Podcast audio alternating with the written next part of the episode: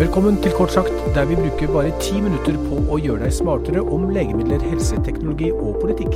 Jeg er Hans Andersen, og i dagens sending det er kommet en ny sjef i Kreftforeningen, og Frp vil sikre flertall på Stortinget til eggdonasjon nå. Men aller først. Professor Johanna Olveus og hennes forskerteam på 16 har fått 4,5 millioner kroner fra danske Novo Nordisk-fondet. Et næringsfond med to formål å bidra til forretnings- og forskningsaktivitetene til Novo Nordisk og støtte vitenskapelige, humanitære og sosiale formål. Novo Nordisk er Nordens største legemiddelfirma og verdens største innen diabetes, med en børsverdi på 1300 milliarder kroner, mer enn det dobbelte av Equinor.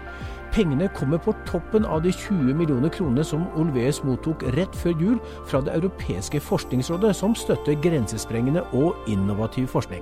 Pengene fra Novo Nordisk-fondet skal brukes til å kommersialisere en helt ny type immunterapi mot kreft, som Olveus og hennes team holder på å utvikle. De har funnet en metode for å programmere kreftsyke pasienters immunceller til å bekjempe kreften ved hjelp av immunceller fra friske mennesker. Metoden gjør at immunforsvaret måler målrettet angriper kreftcellene uten å skade andre celler. Olveus leder KG Jepsens senter for immunterapi mot kreft. Hun er også leder for seksjon for kreftmunologi ved Institutt for kreftforskning på Oslo universitetssykehus. Novo Nordisk-fondet fattet interesse for immunreseptorene og teknologien Olveus bruker til å fremstille immunreseptorene. Stipendet på 4,5 millioner kroner skal brukes til å undersøke hvordan forskningen deres kan kommersialiseres. Pengene skal bl.a. brukes til å utvikle en forretningsplan, sier Olveus. Hun jobber tett med Invento, Norges største aktør innen kommersialisering av forskning, som eies av Universitetet i Oslo og Oslo universitetssykehus. Så hvorfor er denne finansieringen på 4,5 millioner kroner viktig? Jo, det er mange bioteknologisatsinger i Norge, men svært få tiltrekker seg internasjonale investeringer. Den internasjonale konkurransen er enorm, for på de store sykehusene jobber det forskerteam som er enda større og bedre finansiert enn 16-mannsteamet til Johanna Olveus. Snart er laboratoriefasen for henne og teamet ferdig, og de skal teste ut immunreseptorene på mus. Etter det skal legemiddelet testes ut på mennesker. Dette er ekstremt kostbart, og da er det helt avgjørende å ha nok finansiering, slik at man ikke går tom for penger på oppløpet før de sender inn en søknad til legemiddelmyndighetene for å få legemiddelet godkjent. Hør hva Johanna Olveus sier. Men så har jo også da eh, Novo Nordisk eh, interessert seg for eh, det du driver med, og ønsker å være med og, og Du har fått et stipend. Kan du fortelle litt om, om det? Ja, det var eh, veldig gøy. Vi fikk en anledning til å presentere prosjekter med eh, muligheter da, for å gi innovasjon og kommersialisering i, i andre enden mm. her på Institutt for kreftforskning. Og da fattet de interesse for eh, våre immunreseptorer og den teknologien vi da benytter for å framstille disse immunreseptorene. Så så da fikk vi etter en eh, mange runders med seleksjon, og så ble vi valgt ut til å få eh, dette stipendet, et kommersialiseringsstipend. Og, og hensikten med det er jo da å undersøke muligheten for å kommersialisere våre immunreseptorer og vår teknologi. Mm.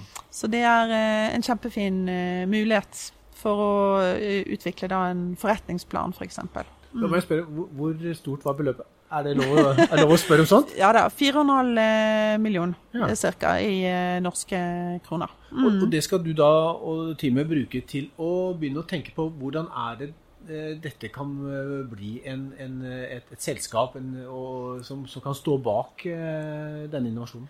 Ja, det er helt klart en mulighet. Og vi jobber jo da tett sammen med eh, Invento, som er Teknologi Transfer Office her på, mm. på sykehuset og på universitetet. Mm. Og eh, da med sykehuset for å eh, se på disse mulighetene. Så det er absolutt veldig gøy og eh, helt uh, nytt for en uh, forsker.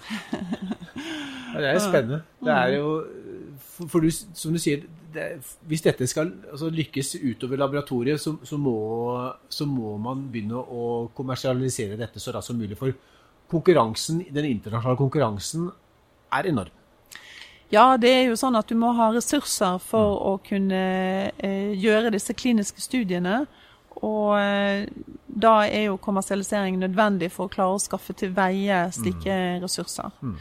Så, så, det er helt klart nødvendig å kommersialisere for å få resultatene ut til pasientene på mm. sikt. Mm. Så mine siste to.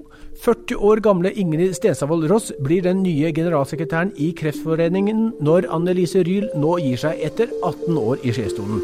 Nestleder i Kreftforeningens styre, Øyvind Eriksen, sier at dette er en nødvendig fornying, og hun har de beste forutsetningene for å lede Kreftforeningen i årene fremover. Han peker spesielt på hennes endringsvilje, forståelse av samfunnsutviklingen og digitaliseringen. Ross har imponert styret og meg, og hun representerer en nødvendig fornying i Kreftforeningen, sier han. Hun har solid organisasjonsforståelse, et stort nettverk og inngående erfaring med politiske prosesser. Hun evner å sette fremtidsrettede tanker i system, sier Eriksen. Han er for øvrig konsernsjef og daglig leder i Røkkeeide Aker. Ingrid Stedsavold Ross har som bakgrunn at hun har de siste seks årene arbeidet i Kreftforeningen, senest som leder av kommunikasjons- og samfunnsavdelingen, og til sammen har Ross mer enn 15 års erfaring med politisk påvirkningsarbeid, organisasjonsutvikling og ledelse. Hun har tidligere jobbet i Hørselshemmedes Landsforbund og Nasjonalforeningen for folkehelsen. Og helt til slutt, Fremskrittspartiet vil sørge for at eggdonasjon blir tillatt i Norge allerede til sommeren. Nå ber de om innspill fra fagmiljøene til innrammingen av en ny lov, og det så fort som overhodet mulig. Vi har nå en historisk mulighet til å liberalisere bioteknologiloven på ordentlig og få tillatt eggdonasjon en gang for alle. Jeg tør rett og slett ikke utsette denne beslutningen. Vi vet ikke hvordan sammensetningen på Stortinget ser ut etter 2021, sier FrPs helsepolitiske talsperson Åshild Brun Gundersen til VG.